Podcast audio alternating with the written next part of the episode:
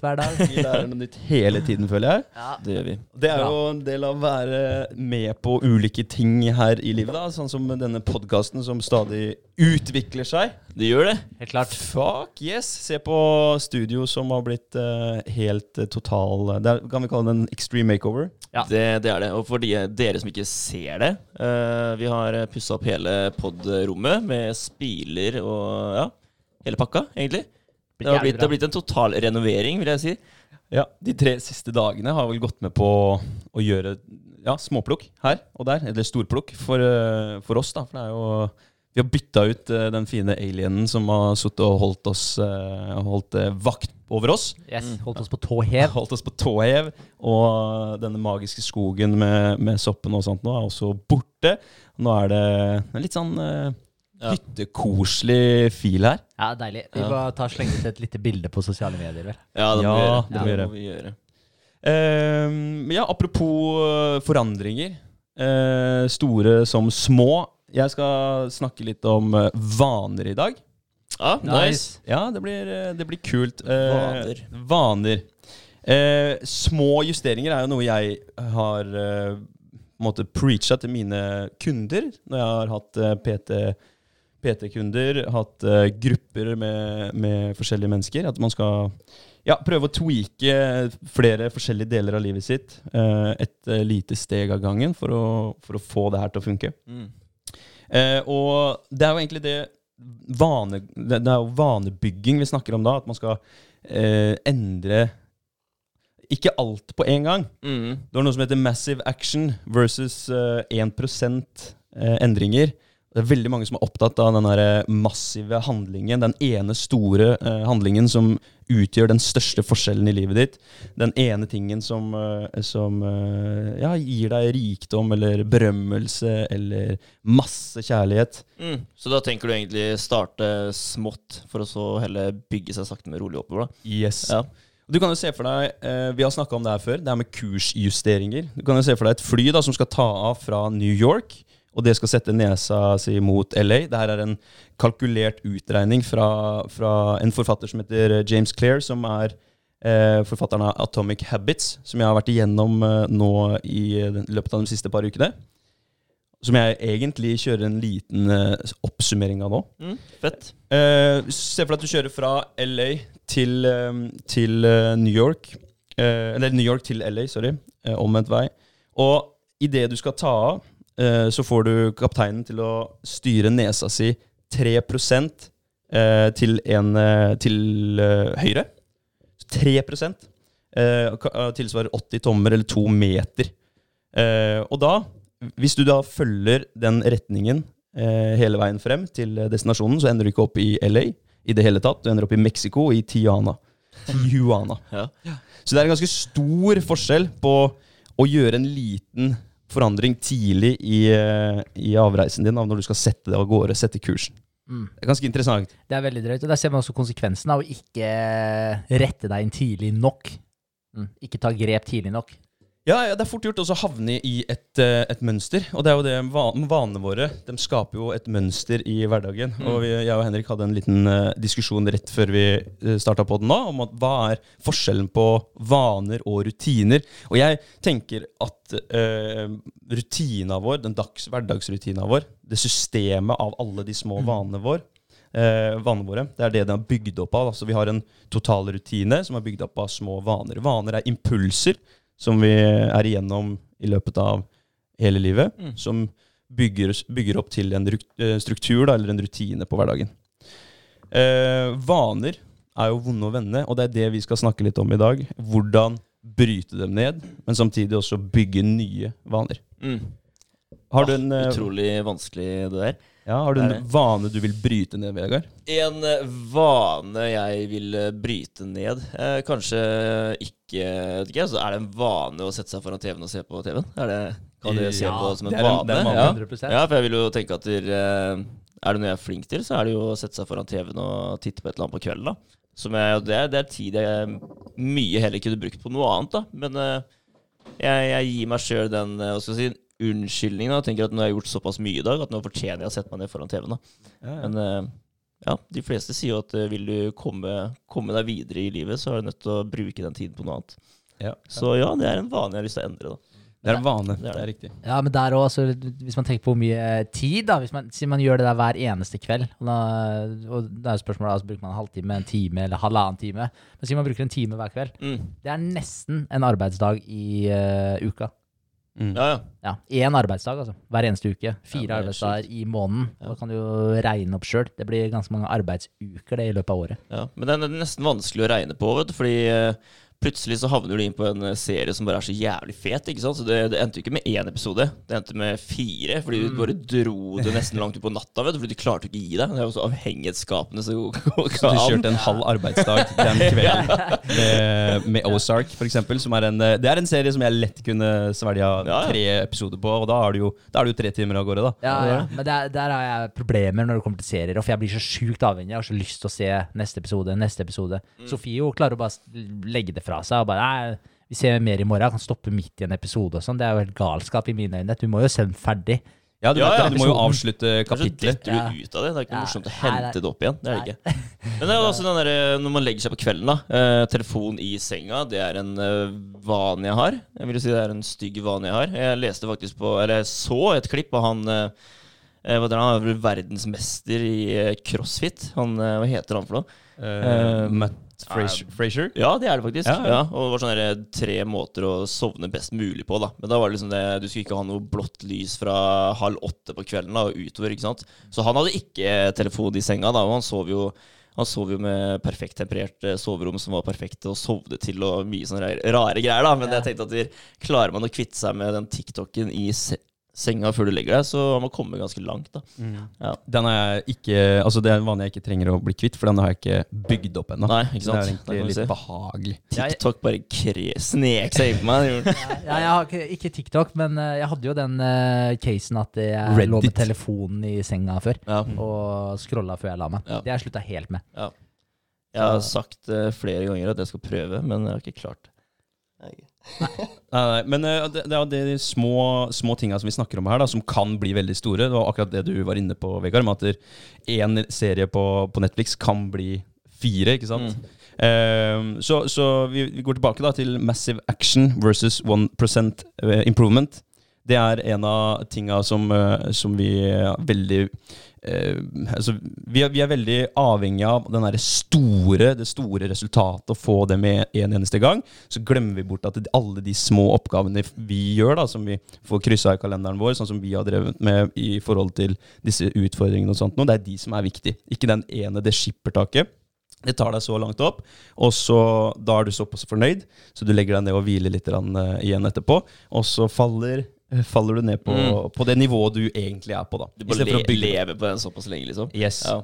Eh, og det, det kan jo ta det i et lite regnestykke. da. Så mattestykket her det beviser jo at 1 forbedring er, eh, det er noe vi må sikte etter, eller i hvert fall tenke på og jobbe med. Eh, for hvis du forbedrer deg med 1 hver eneste dag i et år, eh, så vil du da i løpet av det året bli 37,78 ganger bedre enn det du var uh, når du starta å imp- eh, forbedre deg. da. Mm, ja, for da er du tatt med den akkumuleringseffekten, da. Yes. Ikke bare tenkt at ja, men da er du 365% bedre, men du er faktisk flere prosent bedre av den bedre versjonen av deg sjøl igjen. Ja. Det er 1,01 opphøyd i 365. Ja. Yes. Leken Altså, jeg sa de greiene der eh, en gang på da vi var og drakk. Og da ble jeg bare flåsa, egentlig. For det var sånn, «Å, blir bedre 1 hver dag. Og så jeg sånn, Men faen, tenk på det, da. Så er tenk, på, tenk på det. Hvis du bare forbedrer deg litt. Det er ikke sånn at du må forbedre deg med helt jævlig mye og være helt nazistrikt hele tiden. Men det handler om å bygge de gode vanene, rutinene, få bort de dårlige vanene. Ja, ja. 1 det kan bli helt sinnssykt mye, det. ja. Ja, altså Hvis du tar det andre veien Hvis du øh, gjør deg sjøl dårligere med 1% hver eneste dag i ett år, så er du tilnærma null.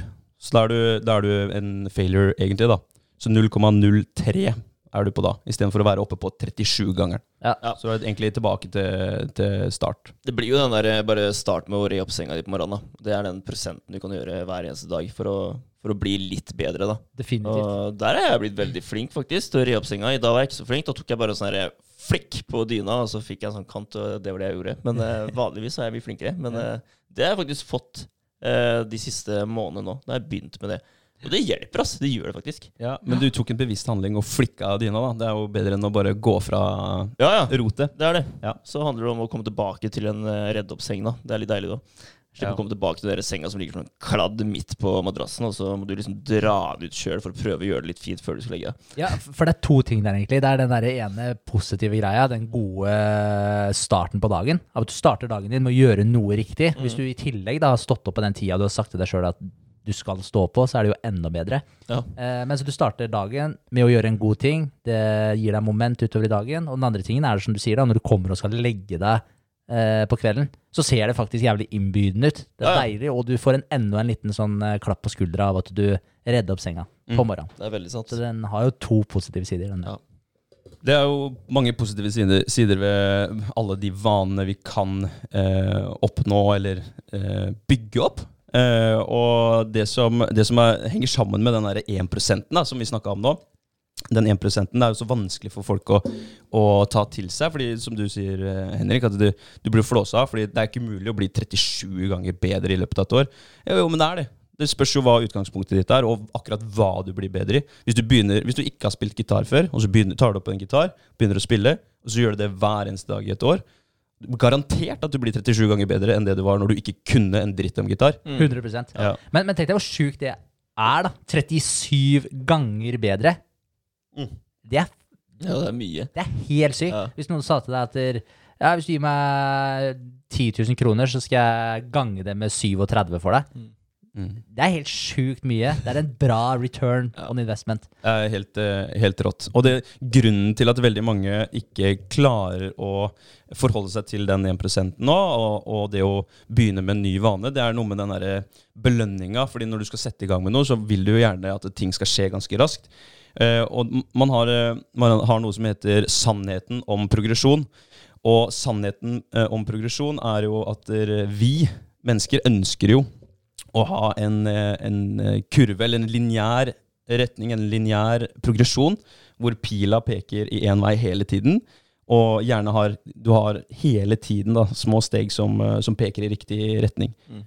Eh, der er det en annen, en annen graf som jeg kan vise dere, som er litt morsom. Det er eh, en eh, graf som heter eh, platået av Skal vi se, vi tar den opp her nå. Platået av latent potensial. Og her ser vi da eh, en eh, linje, som, eh, en lineær strek som går eh, oppover mot eh, høyre, hvor tiden er på aksen der, og så er resultatet oppover på den andre aksen. Og man ser at det man tror skal skje, det er jo en uh, lineær progresjon, og at man hele tiden blir bedre.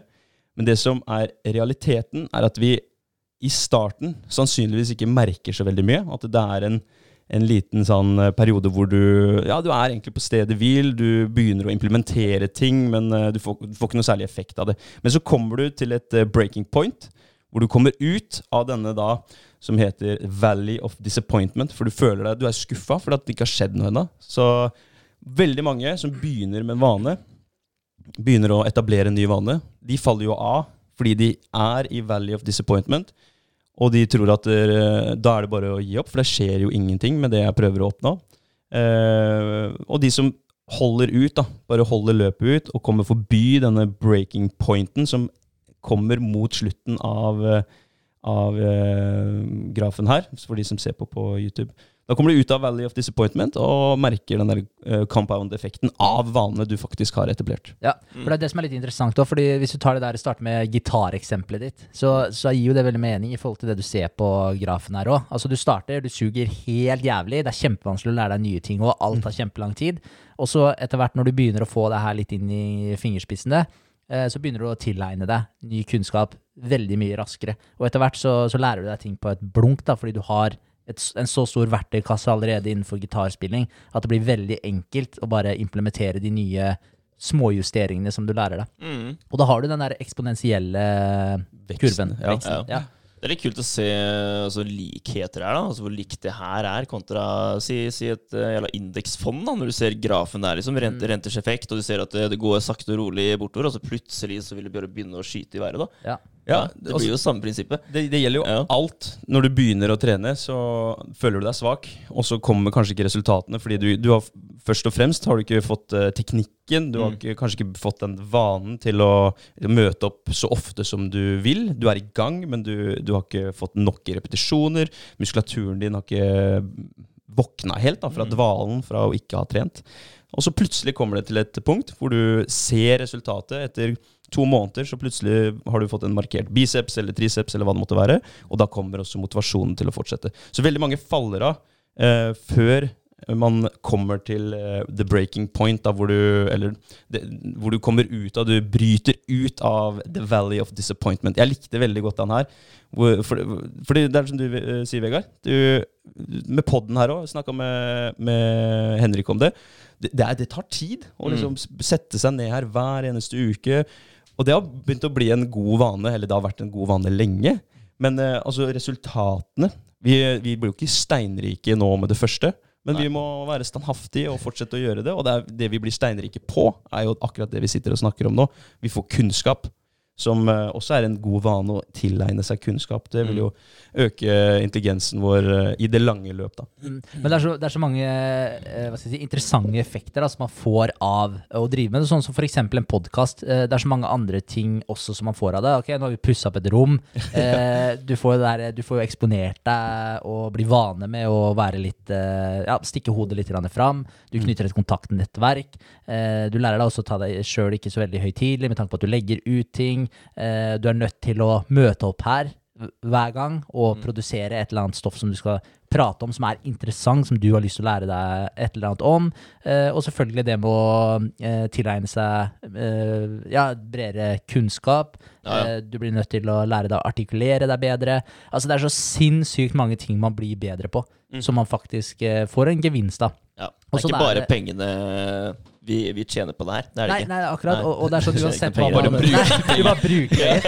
Men, men det er sånn uh, med tanke på uh, andre ting også, som folk tenker på å starte, så er det sånn det, eh, Hvis man ser helt overfladisk på det, så ser det ut som det kanskje bare er én ting man potensielt kan tjene, og så taper man masse tid og bla, bla, bla. Men man ser kanskje ikke alle de skjulte tinga som man faktisk får, da. Ta det, ta det å stå opp tidlig, da. Bare du eh, altså legger deg også selvfølgelig litt tidligere, men du er ikke veldig produktiv på slutten av kvelden. Men hvis du står opp to timer tidligere enn det du vanligvis gjør, hvis du står opp klokka åtte, da, begynner du å stå opp klokka seks i stedet for, da har du to timer mer til overs til å gjøre ting du faktisk har lyst på, og, eller lyst til. Og plutselig så har du de to timene. Ok, hva skal vi gjøre da? Kanskje du finner en enda en ny vane. Da er det det man kaller habit stacking, som vi kommer tilbake til etterpå. Den ene vanen var å stå opp tidligere. Men det også drar deg over i en ny vane, som du er inne på, på Henrik. Mm. Eh, det som er greia med at vi, vi Danner man seg et uh, repertoar med Ah, vaner? Det gjør? det Et stort repertoar. Repertoar! Ja, Sjukeste ordet vi har kommet over på lenge. Repertoar. Ja. Eh, søk opp definisjonen. Vi trodde vi kunne bruke det overalt, men det er tydeligvis bare musikk og teater det du kan bruke det på. Ja, ja. Ifølge Google. Ifølge Google. Ja. er jeg, jeg, jeg tror faktisk Google har litt feil der. Ja. Opprinnelig så kommer det sikkert derfra, men eh, never mind. Men hvis du som uh, hører på, da, uh, hører på det her med, med den The Valley of Disappointment, at du er her, eh, du er i gang med et eller annet, men ikke, ikke kjenner på, på resultatene. Så, så Hvis du så på på YouTube, så så du at det er en, det er en kurve da, som, som uh, blir ganske så bratt etter hvert, hvor du får, får igjen for det, den energien du har lagt inn. Da. Det får du igjen for ganske, ganske mye etter hvert. Mm. Så du bør være mye mer opptatt av din nåværende bane, den banen du er på, enn dine nåværende resultater. Det er veldig fort gjort å være resultatorientert, men eh, som vi kommer til å se litt nærmere på siden her, det handler mindre om resultatene, men mer om hvem du er som, eh, som person. Mm. Eh, resultatene dine, da, det er et etterslepende mål på vanene dine. Og din netto formue, Vegard, det er et etterslepende mål på dine økonomivaner. Så hva Mm. du, hva du bruker penger på, og hva du tjener inn. Eh, din vekt, det er et etterslepende eller laggende mål på dine spisevaner. Din kunnskap, det er et etterslepende mål på dine læringsvaner. Mm. Og så har du rotet ditt. da, Hvis du er dårlig på å rydde, så er det et etterslepende mål eller en, et laggende mål på dine ryddevaner. Så har alltid, du har alltid den derre etterslepen på vanene dine. Det kommer alltid noe i return lengre frem. da. Så Det er veldig, veldig interessant å se hvor mye energi man legger i en ting nå, og hvor lite man får igjen. Og så går man kanskje fem år fram i tid, og så er det den energien du la ned nå, da, som har gitt deg resultatene om fem år. Ja. Eh, eh, Ja, sorry, Vegard. Kjør. Nei, jeg, jeg bare skulle si at jeg tror at uansett da, hva man, eh, hva man driver med, eh, så må man bare kjøre på oss. Så lenge man ikke gir seg med en ting, så kommer eh, resultatene til slutt da. Og det er jo, ja, jeg tror det er det det handler om for veldig mange. At det, det er utrolig mange som begynner med et eller annet og kjører på, og så ser de at ja, det kommer faen ikke noen resultater, så da, da gir jeg meg da. Mm. Men hvis du bare fortsetter da, og du bare ikke gir deg med det, så, så vil det komme et eller annet til slutt uansett da. Ja. Det, det vil det. Helt enig. Og jeg tenker sånn her i forhold til han derre fyren som vi prata om for lenge siden, uh, som uh, gravde etter gull, husker dere han? Som, Ja. eh, ja, som hadde funnet et sted han skulle Ja. grave etter gull, og ja, hadde liksom funnet Han hadde jo sjekka ut, og det var liksom ment at her skulle det være gull. Gravde som helsike, og de fant ikke noe. Og, eller jo, de fant vel lite grann, gjorde de. Og så fortsatte de å grave, og så slutta den gullåra. Mm. Og så fant de ikke noe mer. Og så slutta de. Og så solgte de det, eh, bare utstyr og leftovers til en annen random type. Og så tok han det med seg til noen som virkelig kunne det, og spurte hva de trodde om gull her. Og da viste det seg, altså sa han ingeniøren, da, eller geologen, eller hva han var for noe, og bare Nei, 30 cm herfra, så er det fortsetter den åra. Og den fortsatte faktisk 30 cm derfra òg. Så, så, og når han andre fyren her hørte det, han som faktisk ga opp 30 cm før han kunne blitt steinrik, Mm. Han bestemte seg, og han, lærdommen han tok fra det her, var jo å aldri gi seg igjen. Ja. Så han ble jo en salgsmann, og gjorde det ekstremt bra i etterkant, fordi han gikk og banka på dører og aldri ga seg. Mm. Så, så, så jeg tror også det, at de fleste de starter med en ting, og så gir de seg altfor tidlig. Mm. Mm. Blir demotiverte, ser ikke resultatene komme. Resultatorienterte, som du var inne på, André, og så ser de ikke resultatene med en gang. Og så ikke ha fokus på alle de der andre småtinga som man faktisk gainer fra å holde på med den tingen. Det er veldig Så, sant. mm. Se på selskaper som eh, drar rundt og pitcher. da. Altså, det er eh, noen nei, det. Så er det sikkert mange som gir seg. Ja, ja. Starbucks fikk eh, faen meg over 200 nei, eller var det ikke noe sånt? Jo, fra banker. Ja. Det er ikke sånn privatpersoner heller. Du skal innom banker og pitche det Ja, greiene. ja. 200 nei. Ja. Og det er sånn altså, Jeg vet ikke hvor det er, Sikkert alle andre da hadde sikkert gitt seg lenge før 200 nei. Men eh, det er veldig deilig å få vite at det er folk der ute som har fått så mange nei, og ikke gitt seg, og så har det gått. Ja, For det gir, det gir motivasjon for andre da, til å faktisk gjøre det samme. Det gjør det. Men eh, ja, faen, bare ikke gi det, altså. Nei, ikke gi. Det, sånn som vi, vi starta med, med det flyet fra, fra New York til LA. Mm. Eh, små forandringer i våre vaner kan totalt forandre oss. Og det, det betyr jo at vi er våre vaner. Det er alle eh, Boka til han James Clair da, den heter jo atomiske Eller Atomic Habits. Atomiske vaner. Eh, og det ligger jo noe i det at et atom er jo noe veldig lite, men det kan også være veldig stort hvis du tenker på en at atombombe. Så du har disse små, små vanene, som er bitte, bitte små byggeklosser i livene våre. Og så setter du de sammen over tid. Så kan det ha en uh, atomisk effekt da i forhold til en uh, Hvis du sammenligner med en atombombe. Ja, og der har du den der compound-effekten som du snakka om i stad òg. 37 ganger bedre. Tenk deg det er 37 ganger bedre på et år. Det er helt Nei. Det er helt sinnssykt. Men jeg liker det bare litt tilbake til den der i forhold til hvilke, hvilke dårlige vaner har man, hva kunne man gjort bedre, Shave et par timer på kvelden, eller flytte de til morgenen, sånne småting. Uh, der liker jeg veldig godt den der eh, greia som Jordan Peterson sier. For han sier sett deg på sengekanten og spør deg sjøl hva er det jeg gjør i dag som jeg vet jeg egentlig ikke burde gjøre. Mm. Og hvis du virkelig, som han sier da, hvis du virkelig vil ha svaret på det, så får du det svaret raskere enn du kan eh, tenke deg. Ja. Så, så, så han sier at det svaret kommer med en gang, og da får du vite hva du kunne gjort bedre da. Men ikke bare fei det til sies, ta faktisk tak i det, og, og, og begynne å rydde opp i den ene lille tingen. Mm. Og så kan du bevege deg videre på en neste ting litt senere igjen. Det er veldig sant, men til syvende og sist så, så, så, så går du ned til disiplin. Da. Det er det det handler om her. Så skal du klare å bygge en vane, så må du ha disiplin til å faktisk klare å bygge den vanen. Det er jo, du, du, du klarer ikke å få en ny vane hvis du ikke har disiplin til å gjøre det. Nei, men Det er disiplin òg må du jo bygge, da. Det er jo en vane. Ja, ja, Men alle har vel en viss disiplin? Ja, så må du trene ja. trene den, da. På et eller annet vis. Ja. Eh, men det, men eh, det er fint i forhold til eh, det vi skal gjennom nå. For nå, vi kommer tilbake til de verktøyene. For det er, det er et, et av verktøyene som du snakker om, eh, Berger, som, eh, hvor Jordan Peterson vil at du skal reflektere over hva du gjør i dag. Mm. Det er jo habit tracking. Det er jo vane, vanetracking. Hvor Finne ut av hva er det du gjør i dag. Og så kan du eh, finne ut om du har noen positive og noen dårlige, og kanskje noen nøytrale som ikke tar deg verken framover eller bakover. Har du gjort det? Sittet på senga og tenkt? Ja. Ja. ja, jeg har det. Ja. Så, og jeg har rydda opp i flere av dem, så jeg føler på en måte at jeg har nøsta ut i en del, men det er fortsatt noen vaner som, eh, som henger igjen, som jeg skal eh, forbedre meg enda mer på. Ja. Nå Så, knakker jeg nettopp fingrene. Det er, det er kanskje en dårlig vane, det òg? Ja, det vet jeg ikke. Jeg vet ikke. Jeg så- Eller nøytralt. Nei, jeg vet ikke. Jeg så sånn der uh, greier Det her skjer når du knekker i leddene dine, men jeg gikk aldri inn på den. Ja. Jeg har sett den flere ganger. Nei, jeg, men jeg har sett at det ikke er så farlig. Da. nei, jeg har snakka med mange sånne kiropraktorer og osteopater og fysioterapeuter, og de sier at det bare er luftbobler. Så jeg stoler på dem. Jeg. Ja. Så De elsker jo å knekke ting. Altså, De er biased. De er biased som faen. um, men nå har vi snakka litt om de små justeringene. Uh, og det er jo det resten av temaet handler om. Det er jo små justeringer. Uh, vi skal også over til eh, å sammenligne litt, eller sette dem opp mot hverandre. Mål versus systemer. Eller mål og systemer, for du må ha begge deler. Men uh, det her er kanskje litt kontroversielt uh, i den poden her. Vi har snakka veldig masse veldig masse om mål, og at det er liksom nummer én. Du må ha deg et mål, eller så skjer det ikke noe. Ja. Men både suksessfulle mennesker, hvis du har eh, en gruppe mennesker som går med flosshatten sin og masse tusenlapper i lomma, og så er det de som ikke har så veldig mye. Eh, kanskje ja, Drit i rikdom, da, men du føler deg ikke, du er ikke like suksessfull som eh, de på den andre handa mi her nå. Men begge to har garantert hatt, eller noen har, de samme måla. Så det vil jo si at måla er de samme, men resultatene uteblir. Mm.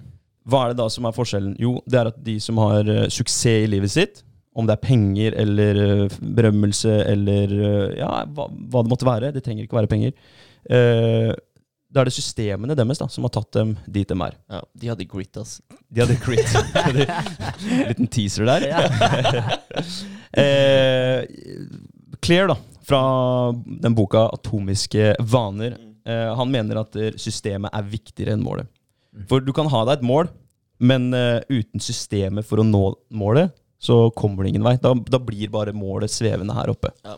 Så suksessfulle og usuksessfulle mennesker har det samme.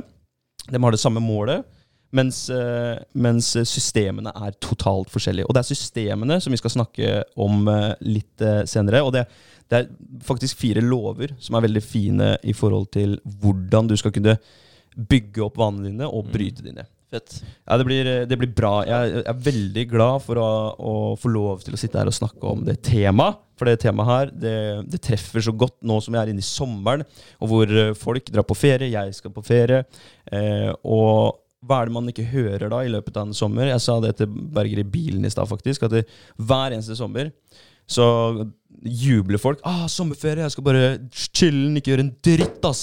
Og så nærmer man seg slutten av sommerferien sin, og så sier man ah, det skal bli godt å komme tilbake til litt rutiner igjen. Ja, det er så sant, det. Jævlig ironisk. Ja. Det er jævlig ironisk. Ja.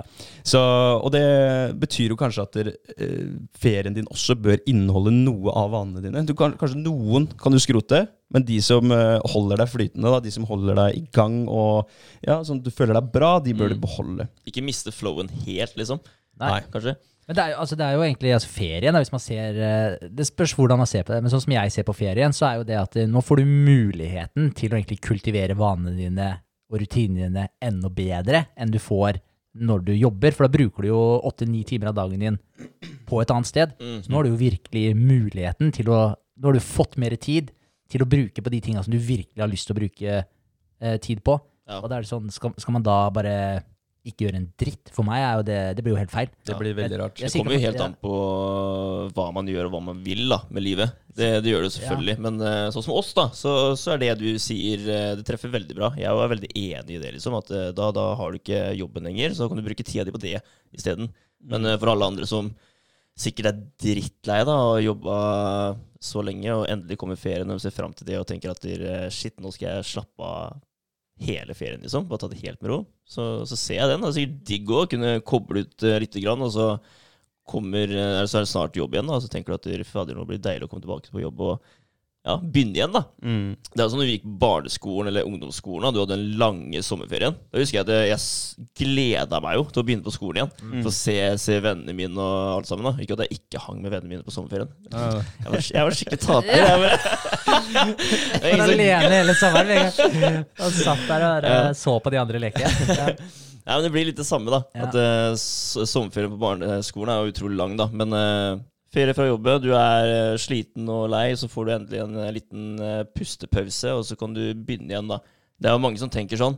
ja. Og så har du de som tenker som du sier, da, at ja, det blir deilig med sommerferie, for da får jeg enda mer tid til å finpusse meg sjøl og det jeg driver med, da. Ja, men jeg sier ikke ikke, ikke dra på ferie, ikke, ikke gjør sånne ting. Gjør det, Nei, ja, ja. opplev ting, da. Altså Ta med deg en bok eller et eller annet. Ikke, ikke sitte og se på TV, som du gjør i utgangspunktet hver kveld når du faktisk jobber, da. Og så, og så blir det på en måte så, det du skal gjøre for å hvile eller samle kreftene, eller sånn, så setter du og ser på TV. Ikke, ikke gjør det i ferien din. Ha- Har dere vært på en hyttetur hvor, eh, hvor det blir kvelden, på en måte? Og Det syns jeg er litt rart, når man Uh, ah, Ok, nå har jeg jobba Jeg sier vi har jobba to måneder, da. Og så endelig kommer det en høstferie eller vinterferie, eller noe sånt, og så drar du på hyttetur. Si det er familie. Og så ender man opp, eh, etter å ha pakka ut og så videre, så ender man opp foran TV-en. Det, det er den du er foran konstant. Det er jævlig teit. Hver eneste dag. Ja, men Da snakker du vane, da. Det er det Da har du rutine. Da har du rutine. Ja. Og tilbake til mål versus systemer. Jeg skal bare avslutte den biten med uh, Mål, det er bra. Altså, misforstå meg rett. Det er ikke sånn at mål ikke er bra. Mål er bra. Det er bra for å sette kursen, sånn som på det flyet. Sette snuta dit du skal. Men systemene er best for progresjon. Du får ikke progresjonen uten systemene. Mm. Eh, en atomisk vane, da. Hva er det? Jeg liker det, det han Claire sier i boka. Just as atoms are the building blocks of molecules, atomic habits are the building blocks of remarkable results. Mm. Det er eh, litt det vi snakka om i stad, med atomet som eh, mikroskopisk, men også som blåses opp i noe enormt når du har eh, holdt på med det en god stund. Og hva er en god stund? Vet ikke. Men vaner eh, Det er noen som sier at eh, 21 dager, 40 dager, 50 dager. Eh, men det handler egentlig ikke om tid. Det handler om eh, repetisjoner, Mm. hvor ofte du gjør en ting. Og det her har vi snakka om i mange tidligere podder òg, i forhold til hva som skjer oppi hjernen når du gjør én ting én gang, så fyres det. Det er ikke hvor lenge du gjør tingen, men det er når du begynner, så fyres det opp i hjernen. Så repetisjoner, og hvor mange ganger skal du si 'hola' før du vet at det er 'hallo' på spansk? Vet ikke. Men eh, i hvert fall mer enn to ganger. Ja. Men du har det der flyet ditt, og du har også missiler. Eh, de, du har et mål du skal til, og så er det små korri korrigeringer hele veien underveis. Da, og det er jo Mm. sånn en missil fungerer òg. Den Mm. har et target som man skal på, og så er det små korrigeringer hele tiden. Og det er jo de små korrigeringene. altså Hvis du ser på targeten din, målet, det er på en måte Ja, og greit. Målet, destinasjonen, dit du vil, det Mm. overordna. Og så er det som du sier, de atomiske rutinene, de små korrigeringene underveis. Og det kan jo være f.eks. stå opp litt tidligere, da. Gjøre litt av det, gjøre litt av det. Det kan være de små tweaksa som skal til da, for å bringe deg nærmere den rette kursen mot målet ditt. Og, og det handler jo om eh, hvordan jeg oppfører meg, egentlig. Det handler om atferd. Og du har tre lag i, eh, i atferdsendring, hvordan man skal endre atferd. Du har det første, du må forandre resultatet. Outcome. Og så har du det andre, eh, prosessen. Det er hva du gjør. Og så har du det siste, identiteten. Det er hvem du er. Så outcome, det er jo da hvis du skal eh, f.eks. ned i vekt, så er det, det er resultatet du ønsker å oppnå. Mm. Eh, hva gjør du da? Eh, du begynner på en ny treningsrutine, eller du begynner på en ny diett. Eh, og identiteten, forandre identiteten din. Hva tror du om deg selv mens du gjør det her? Er du fortsatt en uh, lat slabberdask, eller hva det heter? Eller er du en, eh, en som er i form, eller en som har blitt en eh, aktiv person, istedenfor å være den fortsatt inaktive personen du er? Identitet, det er mye av det, det som hjelper oss å bygge gode vaner. Mm. For det handler om at målet ditt, det er ikke Hvis du skal løpe et maraton, da, så er ikke målet ditt å løpe et maraton. Målet ditt må være å bli en løper. Mm. Du må bli løperen Ja, som skal sant. løpe det maratonet. For ellers så stopper det der, med at du, du tok det maratonet, og så er du ferdig med det. Og sannsynligheten for at du kanskje gjennomfører det maratonet, er ganske liten, for du har ikke løpt nok. For du har bare det ene Mm. fokuset. Jeg tror det er helt essensielt det du sier der med at identiteten, hvor viktig hva du identifiserer deg som er. Fordi hvis du identifiserer deg som en person som røyker, så blir det jævlig vanskelig å slutte å røyke. Du må begynne å identifisere deg med en som ikke røyker. At du, du er, nå er du ikke en røyker lenger. Du er ikke en røyker som har slutta å røyke. Som fortsatt er i utgangspunktet en røyker. Da blir det utrolig vanskelig å kvitte deg med den vanen. Hvis jeg spør eh, dere, da Hvis dere står Hvis vi tenker at vi står på utsida av huset her nå, så spør jeg dere Hei, skal, skal dere ha en sigg, eller? Og så sier eh, Berger Nei, jeg prøver å slutte. Og så sier Vegard Nei, jeg røyker ikke. Mm. Det er ganske to forskjellige svar. Ja, det er Det det. er to veldig forskjellige svar. Ja, så Henrik han har ikke identifis identifisert seg som en som ikke røyker lenger. Men han, han, han har et sånn half-assed uh, mål om å slutte. Mm. Mens Vegard han har slutta helt. Han er, er ikke en røyker. Det er mye enklere for deg også, da, å presse enda litt hardere på Henrik, da. Ja, Hvis han sier det. Ja, men bare ta én, da. Ja. Ja, så bare, ah, ok da Mens eh, Vegard, nei, nei, jeg røyker ikke. Mm. Ferdig. Ja, for det, for det der tror jeg er eh, veldig viktig i alle settinger. Hva du identifiserer deg som. Bruke tid på å faktisk eh, skifte om i hodet ditt. For det er som du sier, da, du, du skal bli en løper. Du skal ikke bare løpe et maraton, du skal bli en løper. Samme som uh, vi snakka om gitaren i stad. Eh, du skal ikke bli god på gitar, du skal bli en som spiller gitar, eller bli en gitarist, eh, på sett og vis. Mm. Altså Resultatbaserte vaner har fokus på hva du ønsker å oppnå, mens identisert identitetsbaserte vaner er fokuset på hvem du ønsker å bli. Og en vane da, den stemmer alltid for personen du ønsker å bli. Så hver gang du gjør en ting som eh, bygger opp på ditt du ønsker å være, så stemmer du på den personen. Mm. Så hver gang du knyter på deg skoa, så legger du en stemme i uh, voting-boksen for at du skal bli en løper, da. Mm. En stemmeseddel. Og der tror jeg også liksom det viktigheten av uh, det med målet kommer inn også. fordi hvis du har et overordna mål som er med og styrer disse små eh, atomiske vanene dine, eller de atomiske Jo, vanene var det du kalte det. eh, så, så vil du jo hele tiden se om er den måten jeg oppfører meg på nå, i tråd med det overordna målet mitt. Og da, du, du får jo den derre kursen, Mm. den riktige kursen, og da kan du hele tiden ta stilling til om er det den her du har lyst til å bli, er det den her jeg har lyst til å være, og, og da finner du fort ut hva som passer inn i det bildet, og hva som ikke passer inn i det bildet. Ja. Mm. Den har truffet meg litt uh, i det siste, faktisk. Mm. Oppfører jeg meg sånn som jeg vil være i framtiden nå? Mm. Gjør jeg det? Altså, Nei, jeg gjør jo faen ikke Og så tar jeg, sånn- tenker jeg sånn at ok, men etter sommerferien, da, Ja, da blir det andre saker. Det, er, det er alltid sånn det etter er. nyttår, Etter nyttår. skjer det. Ja. faen, altså. Og det, er jo, det her er jo en oppskrift det vi snakker om nå, en oppskrift for å ikke ende opp i nyttårsforsett-fella, hvor du starter med en ny ting i januar, og så er du ferdig med det før vi skriver februar. Ja. Det, er, eh, det er faktisk sånn det er. Men vi har de tre laga i atferdsendring. Eh, med vaner, altså den atferden vi har, det er forsterka med noe som heter habit loop, eller feedback loop. Det er også noe vi har snakka om tidligere. Positiv feedback loop, negativ feedback loop. Tilbakemeldingssløyfe, om du vil, på, på norsk. Ehm, du forsterker da disse vanene med disse feedback loopene. Og da skal jeg gå gjennom en feedback loop. Du har Q, eller signal på norsk. Det kan være f.eks. at te telefonen din vibrerer. Uh, du har en craving, eller fristelse. Uh, da vil du jo vite hva som skjer på telefonen. Du har en respons. Du tar opp telefonen, uh, og så svarer du. Og så får du en reward. Og da finner du ut hvem som ringer. Så det er en, det er en loop. Det er én loop. Og denne loopen kan jo sette i gang flere andre loops også. Så når du da har eh, tatt telefonen, funnet ut av hvem du er, eller hvem det er som snakker eh, i andre enden, så vil du kanskje legge på. Og da står du fortsatt med telefonen i handa, og da kanskje du går inn på Snapchat, sjekker eh, notifikasjoner der, og så er det en ny, du har fått en ny snap. Da er det en craving. Du vil vite hvem som, eller hva som står på snappen. Og så åpner du, det er responsen, reward. Da finner du ut av hva som står der. Sånn går det hele tiden. Det er loops. Og disse loopsene her, da, hvordan kan vi påvirke de for at de skal jobbe for oss? Det er det her eh, disse fire lovene som jeg snakka om i stad, hjelper oss med. Vi har fire eh, lover som heter Lov nummer én gjør det åpenbart. Det er nummer én. Det, og to gjør det attraktivt. Tre gjør det enkelt. Fire gjør det tilfredsstillende. Det er de fire lovene som eh, hjelper oss å bygge de gode vanene og påvirke eh, feedback-loopen vår. Mm. Gjent, du gjenta det med en gang til? Ja. Gjør det åpenbart. Make it obvious. Gjør det attraktivt. Gjør det enkelt. Og gjør det tilfredsstillende. Mm. Så vi begynner med nummer én, da. Mm. Eh, mange av eh, våre vaner er så at automatiske at vi ikke er klar over eh, hva vi gjør. Det må stå opp på en side av senga, pusse tenna. Eh, når gjør vi det? Hvor gjør vi det? Alle disse eh, automatiske vanene. Det er bare sånn Sånn er det bare. Sånn er det bare. Og, og da kan vi først og fremst da finne ut av hva er det vi, hva er det vi gjør i dag. Da har du et eh, scorecard, som du snakka om i stad, eh, Henrik. Som eh, Jordan eh, har anbefalt deg. Du og Jordan er gode Ja, dere er bros, ass. så- Ja, vi er gode kompiser. ja, ja. Han er, han er drittlugn. Eh, men han anbefalte deg det, å finne ut av hva er det du gjør i dag, og hvor, hvor tar det deg, det du gjør i dag. Det er scorecard. Ja.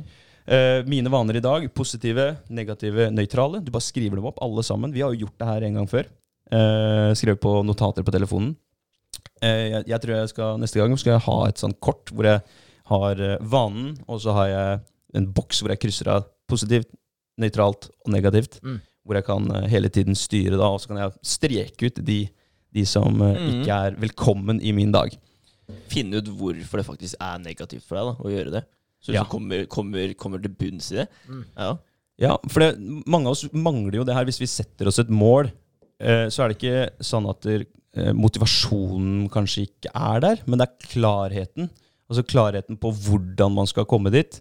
Eh, for du, når du gjør det her, da, så ser du jo hva som faktisk holder deg tilbake. Mm. Du ser også hva du kan gjøre bedre, eller legge til. da. Det som også er vanskelig på lik linje som at hvis du setter deg et stort overordna mål, eh, det å klare å motivere deg, fordi som du snakka om i stad, value of disappointment, at du eh, at det tar litt tid før du kommer deg dit, mot det store målet ditt, men at du må jo starte kursen. Det er det samme med en uh, ting som du har lyst til å bli kvitt, det er en dårlig vane. Si, bare for å ta røyking som et eksempel, for det er et, kjempe, det er et kjempegodt eksempel å ta, for det er mange som røyker, selv om man er klinkende klar over konsekvensen av å røyke. Og, og da er det sånn, hvorfor fortsetter de å røyke da? Og det er jo fordi konsekvensen er så langt fram i tid at, at de ser ikke uh, impacten de har på dem nå. Så de, de lever litt sånn kortsiktig, da. Og de tar seg en siggen fordi det er digg, og det er en vane, det er kjempevanskelig å slutte med, og alt det greiene der. Men hvis de kunne spurt da, 30 år fram i tid, eller 40 år fram i tid, når de ligger og kanskje har kols eller kreft, eller hva det måtte være, hvis de hadde fått den på en måte opplevd den litt, da, eller fått den og tenkt at vet du hva, det her kunne vært i morgen. Hvis man klarer det, da klarer man fint å motivere seg for å slutte å, å røyke også. Men det er det at det, konsekvensen er så sinnssykt langt fram i tid. Utrolig vanskelig. Ja, så jeg Det tror er det er akkurat det samme da, med en, å sette seg et stort mål som du skal jobbe mot, Ja. eller å slutte med en dårlig vane. Jeg tror det er Mm. begge deler går inn på akkurat det samme hvorfor det er så vanskelig. Fordi resultatet er så jævlig langt fram i tid. Mm. Vi lever jo ofte etter de umiddelbare resultatene. Eh, det er jo de vi higer etter. Jeg bare skulle ta opp en quote fra Carl Jung her. Until you make the unconscious conscious, it will di direct your life, and you will call it fate. Mm. Og det er akkurat det her med, med scorecard. Du må finne ut av hva du faktisk gjør. Og du er ikke bevisst på det, og det er ikke din skyld. Det er eh, bevisstheten og underbevisstheten din som ikke De er ikke på samme frekvens, så du finner ikke ut av det uten å faktisk gjøre en effort. Så du må gjøre det her for å finne ut om det du gjør i dag, drar deg fremover, eller om det drar deg bakover. Kult. Bli bevisst på det. Det er jo da um, de verktøyene jeg snakka om. Verktøy 1, scorecard. Gjør det åpenbart. Da, nå får du jo åpenbart det. Du vet jo hva som faktisk skjer. Det andre er eh, noe som heter eh, intention formula. Eller eh, implementeringsintensjon, som vi kan kalle det på norsk. Det er en måte Jeg skal ta ned den her så den ikke forstyrrer oss. Det er en måne, nei, må, måne, det er en måte vi kan uh, um, få en klarhet det er en, En måned med full fokus. Ja. det er en måte hvor vi kan uh, få, um, få klarhet i hvordan vi skal gå frem for å bygge en ny vane. Så den formelen her, da, det er en formel hvor du sier 'jeg skal', også den vanen du ønsker å ha, på dette tidspunktet, på dette stedet. Så hvis du skal begynne å trene, da, så er det veldig mange som sier ah, 'jeg skal bli i form en gang'. Det er ikke veldig klart. Det er, mangler masse klarhet. Men hvis du hadde sagt da 'jeg skal begynne å trene på eh, nivå klokka 13 den 22. august', da har du klarhet i hva du skal gjøre, og så sier du det eller skriver det ned, eller sier det, at du skal gjøre det for hver gang du skal gjøre denne vanen som du har Mm. lyst til å implementere i livet ditt. Så det er intensjonsformule. Eh, og da har du et verktøy der som vi kan bygge oppå, som heter habit stacking. Og det var vi litt inne på i stad. Så hvis du da har denne treningen, da har du én god vane. Hva med å legge på en vane til? Så når jeg har trent, så skal jeg tøye etterpå, f.eks. Da kobler du sammen to vaner. Så når du først har kommet i gang med treningen, så kan du legge på den på slutten av en økt. Så har du to fluer i en smekk, egentlig. Og da har du et Q, som vi snakka om i stad, et signal. Når du trener, så vet du at etter trening så skal jeg tøye. For det er en del av, det er en del av vanene mine. Um, det her er jo best for en ny vane. Hvis du skal begynne med noe nytt, legg det på noe gammelt nå. For eksempel, eh, etter at jeg har pussa tenna, så skal jeg lese. Mm. For eksempel. Etter jeg har lest, så skal jeg meditere. Så du legger på der det passer seg, selvfølgelig, hvor det er eh, mest, eh, mest eh, riktig for deg i hverdagen din. Så legger du på en gammel vane. Gjør, har dere gjort det bevisst noen gang? Ja, jeg- Ubevisst, kanskje? Nei, ja, eller ja, altså bevisst eller ubevisst. Eh, Jeg har ikke tenkt på det akkurat på den måten, der, men jeg tenkte Måneden? Når, måneden. Eh, Når jeg tenkte på det med eh, å flytte de timene da, fra kvelden til morgenen. Det har jeg gjort bevisst, å stå opp mye tidligere, sånn at jeg får tid til å gjøre diverse ting før jobb. Mm. Og da har jeg tenkt, ok, hvor mye tid må jeg ha på morgenen for å gjøre akkurat de tinga her, og da stacker jeg jo dem etter hverandre. Sånn som eksempel å meditere og trene. Det er jo egentlig det som er de to hovedtinga som jeg skal gjøre før jobb Mm. eh, på morgenen. Så da har jeg jo beregna tida mi ut ifra sånn at jeg rekker å gjøre begge de tinga her. Og da er det jo rutina egentlig på morgenen. Da Da er det morgenstell, meditasjon, rett på trening. Mm. Og dusje, og så er det rett på jobb. Så det er det jeg rekker. Jeg tror ikke jeg har noe, altså. Nei. Nei. Men, men, men det kan jo være etter jeg har spist, så skal jeg ta oppvaska. Ja. Det kan jo være en uh, habit stacking, eller en vanestabling, da, som det heter. Du stabler én vane oppe på en annen vane. Det er mange som Ja. lar Og det er jeg overraska over altså, når jeg har vært på besøk hos folk. Folk som lar oppvaska stå på disken over natta, typ. Ja, men det blir bare 100 ganger verre å gjøre det Ja, rent. det er altså, sant, du skaper deg jo sjøl tre ganger så mye jobb etterpå. Det er jo egentlig eh, grunnprinsippet i alle vanene våre òg. Hvis du ikke gjør ting for din vinning, da. Hvis du ikke gjør det du har sagt at du skal gjøre, så blir det bare verre dagen etterpå. Ja. Hvis du ikke legger deg tidlig når du skal stå opp, eh, stå opp tidlig, Helt klart. så suger det balle å stå opp. Absolutt. Jeg har, eh, men jeg har, ikke, jeg har ikke gjort det her bevisst. Men på en måte bevisst. Men jeg har ikke bevisst habit-stacka. Det har jeg ikke gjort. Men jeg har jo bevisst gått inn for at det her må jeg bli bedre på, og analysert litt uh, hverdagen min for å Mm. Litt opp mot det målet jeg har satt meg. Så Men da, da har dere to formler. Sorry. Nei, nei, null stress. Jeg skulle bare si, Så da har jeg jo på en måte bevisst tatt de valga, men, Ja. men jeg har ikke bevisst habit-stacka. Du tenkte ikke faen noe habit-stacka, altså. Nei, det tenkte jeg Men det kommer dere til å gjøre nå, da. Ja. Eh, så da har du to formler. da Du har først et scorecard, og så har du to formler som du kan, kan bruke. Etter eh, nåværende vane så skal jeg gjøre ny vane. Og så har du den andre, intensjonsformelen.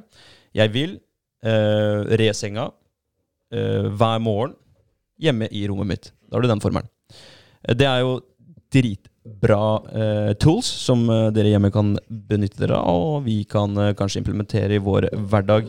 Og så har du en annen ting som er veldig veldig viktig å tenke på. Det er det med miljøet vårt, altså det som er rundt oss. Det kan vi også gjøre noe med. F.eks. hvis målet ditt Vegard, er å drikke mer vann, Mm. Så er det å ha flasker synlig i, i rommet ditt. da. F.eks. at det står alltid en flaske klar på benken. Eller hvis du skal uh, trene på morgenen, at der, treningsklærne ligger klare. Da gjør det det i hvert fall lettere for deg å begynne med en ny vane. Ja. Så hvis du skal gjøre noe på morgenen, at du har det du trenger for å gjøre den tingen klart. Ja, jeg føler at uh, for at jeg skal drikke mer vann, så trenger jeg også å trene. Så de to går litt eh, sammen da, for meg. Er du stacka? Ja, ja, men jeg føler at eh, hvis jeg trener, så, så tar jeg alltid med vannflaska, og jeg drikker en eh, liter vann på trening. da, Så allerede der får jeg i meg mye vann. ikke sant? Og, og etter det òg, så, så er det mye enklere for meg å fortsette å drikke vann. da. Og idet jeg slutter å trene, så mister jeg den vannflaska der. Og da er det også mye enklere for meg å ikke drikke like mye vann eh, dagen ut. da. Mm. Det er det. Så de to går litt hånd i hanske, egentlig. Føler jeg, da. Ja. Det er jo bra å ha sånne type ting også. Det, det, jeg føler jo at det her eh, glir over i en sånn type habit stacking, egentlig. Eh, men Det er egentlig en dårlig måte å gjøre det på. da Det er sånn, Jeg burde egentlig bare digga å drukke vann uh, uansett. ja, ja, det kunne vært verre. Du kunne digga å drikke Pepsi Max Ja, ja. og slutta med Ja. vann. det kunne vært verre. ja, nei, faen, jeg elsker vann. Altså. Jeg blitt veldig glad i vann uh, siste, siste året, kanskje. Så jeg har drukket utrolig mye vann i forhold til hva jeg har gjort før. Og når jeg hører folk sier at de ikke drikker vann, men de elsker å drikke Pepsi Max isteden, så blir jeg litt sånn derre Du burde begynne å drikke vann. Ja, jeg er enig. Jeg er enig. Men jeg synes ikke, altså, for meg blir det feil å hydrere deg på Pepsi Max. Ja. Ja. Ja, jeg tenker at det Er ikke det vanndrivende som det heter? da? Det har koffein i seg, så det, du Ja. vil jo på en måte ha motsatt effekt. da. Altså, Ja, du blir sant. dehydrert av å hydrere deg med Pepsi Max. Yes, Ja. riktig. Eh, men nå, nå som vi har gjort det åpenbart Nummer én, lov nummer én, vi har gjort det åpenbart. Nå må vi gjøre det attraktivt, Mm. sånn at vi kan eh, fortsette med de gode vanene. Eventuelt de dårlige vannene, at vi fortsetter å bryte de ned. For nå har vi på scorecardet vårt så har vi både de gode og de dårlige. Men vi skal gjøre det attraktivt, eventuelt uattraktivt. Og der er jo dopaminen en veldig viktig faktor. Dopamin har jo blitt snakka om en del i podkasten her, og det frigjøres når du gjør noe godt, men også når du forventer at noe godt skal skje. Mm. Og da skjer det egentlig en eh, spike, en frigjøring, som er større enn når du faktisk gjør tingene du skal gjøre. Så når du gjør sånn som vi har gjort nå, da Vi har, habit, eller vi har hatt en intensjon, så vi har sagt den formelen at jeg skal, eh, og så har jeg stacka det opp at eh, jeg skal gjøre det i tillegg. Så spiker vi faktisk dopaminnivåene våre, for vi har lagd en forventning. Dere kan sikkert relatere til det her med tanke på sånn type nyttårsaften eller ferier dere har vært på. At noen ganger så gleder man seg så jævlig til at noe skal skje. Ja, mange nyttårsaftener som har vært veldig bra, men det er noen nyttårsaftener tidligere som har vært sånn Ah, blir fett på nyttårsaften! Og så kommer dagen, og så er det sånn Det er så overvurdert. Ja, Ja. men det er så typisk nyttårsaften, føler jeg òg. For da har man alltid høye forventninger, og så kommer det til stykket, og så blir man som regel litt skuffa. Ja. Ja, det er typisk nyttårsaften. Og det er typisk. Og det er samme med, med typen gambler, da, som skal, skal spille en runde poker eller spille på slåttmaskin eller noe sånt. Det er tanken på at han skal spille som, eh, som gir han mest drive og glede, motivasjon via dopaminfrigjøringen i eh, kroppen. Mm. Mens når han faktisk drar i spaken, eller faktisk eh, si blackjacken blir dealt ut, så er det ikke like mye, mye spike, da. Nei, altså Jeg har jo tenkt på innimellom hvorfor er eh, de spontane tu eller turene til byen, da, fylla, hvorfor er alltid det de feteste kveldene? Men det er jo har det. akkurat derfor. Ja, Ja, ja. selvfølgelig er det Du har jo ingen forventninger om hva som kan skje. Og alt som skjer da, det, det gir deg en uh, dopamin Uh, vet heter? Release? Ja! Ja. Ja, det er, men det er helt uh, sant, det. Mm. De, de tinga du ikke har noen forventninger til i det hele tatt, de blir ofte betraktelig mye bedre enn det Ja. man har sett for seg. Ja, altså det blir alltid bedre, og det er en forskjell på det som heter å ville ha noe, og det å like noe. Wanting versus liking. Du har også hørt om forbidden fruit. Ja. Det er også noe som eh, går igjen veldig ofte hvis man har hatt en gjenstand eller en kjæreste over lengre tid, et eller annet, så er det alltid noe annet som kanskje kan se litt mer innbydende ut. Og spørre, å, det hadde vært spennende. Det hadde vært spennende. Jeg sier ikke det nå, Kristin. Jeg er veldig glad i deg. Men Lov, lov å se, ikke røre. men, eh, men det er samme, samme her. Du vil kanskje ha noe, eh, og det vil frigjøre mer dopamin enn at du faktisk liker noe. Mm. Så det samme med, samme med ferier og som du sier, Vegard, byturer. Jeg kjenner meg veldig godt igjen med spontane turer generelt. Mm. De turene som er litt uplanlagte, blir ofte Det er de du husker best. Ja, det er det. Ja, fordi Det er da, er det, da er det masse hormoner i, i sving. Gjør det attraktivt. Og da kan vi også ha et eh, verktøy til. Temptation bundling. Eh, det er eh, å koble sammen en handling, altså noe du vil gjøre. Du vil, du har lyst til å gjøre det, men noe, som du faktisk må gjøre. Og her var det en, eh, det er et godt eksempel. Det var en ingeniør som uh, kobla sammen eh, sykkelen sin med dataen sin. Eh, Og så hadde han programmert, eh, altså lagd et program da, mellom disse to. Sånn at han måtte tråkke over en viss RPM, eller Mm. viss watt, da, for å kunne spille av Netflix på, på skjermen. Så da har den, den er fin. Så da, så har han kobla sammen med noe han hadde lyst til. Han hadde lyst til å se på Netflix, men noe som han måtte gjøre fordi han skulle få trent. da. Ja, Det hørtes litt livsfarlig ut òg, egentlig, men eh, greit nok. Bare chiller'n på sykkelen og se på Netflix ned i veien. det var Nei, spinningsykkel. det var spinning, Å, ja. ja. Ja, bare faen. ja. Det ellers hadde vært livsfarlig. Ja, ellers hadde vært det liksom. Nei, det var ikke det. det, var ikke det. Nei, En spinningsykkel. Uh, veldig bra at du retta Mm. på meg der, eh, der, Vegard. Uh, temptation bundling. Uh, det, er, uh, det er så lett. Det er finne ut av hva, du har lyst til å gjøre, og så kan du koble det sammen med noe som du må gjøre. For eksempel, nå er ikke det her noe jeg har gjort i det siste, men jeg har gjort det for lenge siden. Hvis jeg skulle tøye og hadde veldig lyst til å se på noe, så kanskje jeg satt, satt meg på yogamatta foran TV-en, og så tøyde jeg samtidig. Da er det to fluer i en smekk. Den har jeg brukt flere Ja, ganger. det er jo Ja. Mm. Og sam samme med, med sosiale medier. Kanskje du sier til deg sjøl at etter at jeg har lest eh, ti minutter i boka mi, så skal jeg få lov til å sjekke sosiale medier i ti minutter. Da. Så du evener out eh, joy med noe du faktisk må gjøre, da. Mm. For eksempel. Eh, temptation bundling. Og så har du neste punkt som heter group influence, eller gruppepåvirkning. Og det handler jo om at for å gjøre ting attraktivt, så er det lettere å gjøre det sammen med mennesker som gjør det attraktivt for deg. Være sammen med samme type mennesker. Hvis du skal bli i form, så heng med folk som eh, trener. Hvis du Mm. skal begynne å lese mer, kanskje meld deg inn i bokklubb. Det er sånne små, små tips som man kan, kan nytte seg av. Mm. Ja, Tror jeg tror jeg fikk veldig bra. Tror dere det også har mye å si i forhold til hva du identifiserer deg som? Det med at du faktisk da henger med folk som allerede er noe? Mm. Absolutt. Uh, altså, Mm. hvor den ønska atferden din, da Du må være et sted hvor den ønska eh, vanen eller atferden din er normal. Så i en bokklubb så er det å lese mye, det er normalt. Mm. Så du må prøve å, å snike deg inn i sånne type miljøer, hvor, hvor ikke du skiller deg ut altfor mye. Fordi vi, vi De fleste dager vil vi heller ta feil eh, med mengden enn å, ha, enn å ha rett med oss selv. Mm. Det er ganske Mm. fascinerende. Ja, Altså mange som bare følger som en sau da i en flokk. Bare følger med.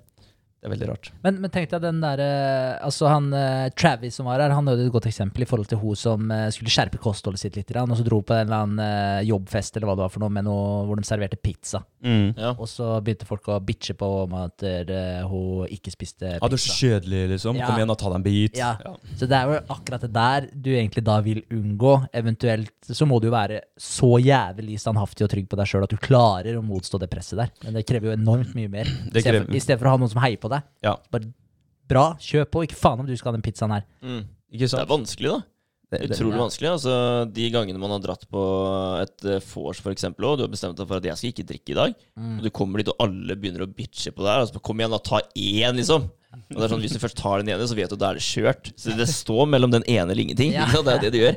Og der er det utrolig lett å svikte seg sjøl, da. Og bare ta den ene ølen, og så er kvelden fucked, ikke sant. For du tenkte at eh, i morgen skal jeg stå opp og være i god form, men eh, Klarer du, ikke, klarer du ikke å stå opp for deg sjøl da, så, så, så, så ligger du i fosterstilling da, Ja.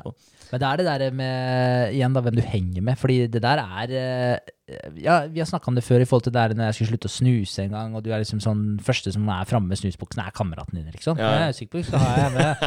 Altså, nå føler jeg jo det der har roa seg veldig, og, og jeg har blitt mye mer bevisst på det sjøl også. Men det er eh, Det er ikke en god oppførsel å prøve å Når noen har sagt at de ikke vil en ting, så har de jo en grunn til at de ikke vil gjøre den tingen, og da burde man støtte opp under hverandre. Ja. Når du nevnte Travis i stad, så kom jeg på en annen ting som han gjorde, som uh, går inn, inn under den setninga som eh, var De fleste dager vil vi heller ta feil med mengden enn å ha rett for oss selv.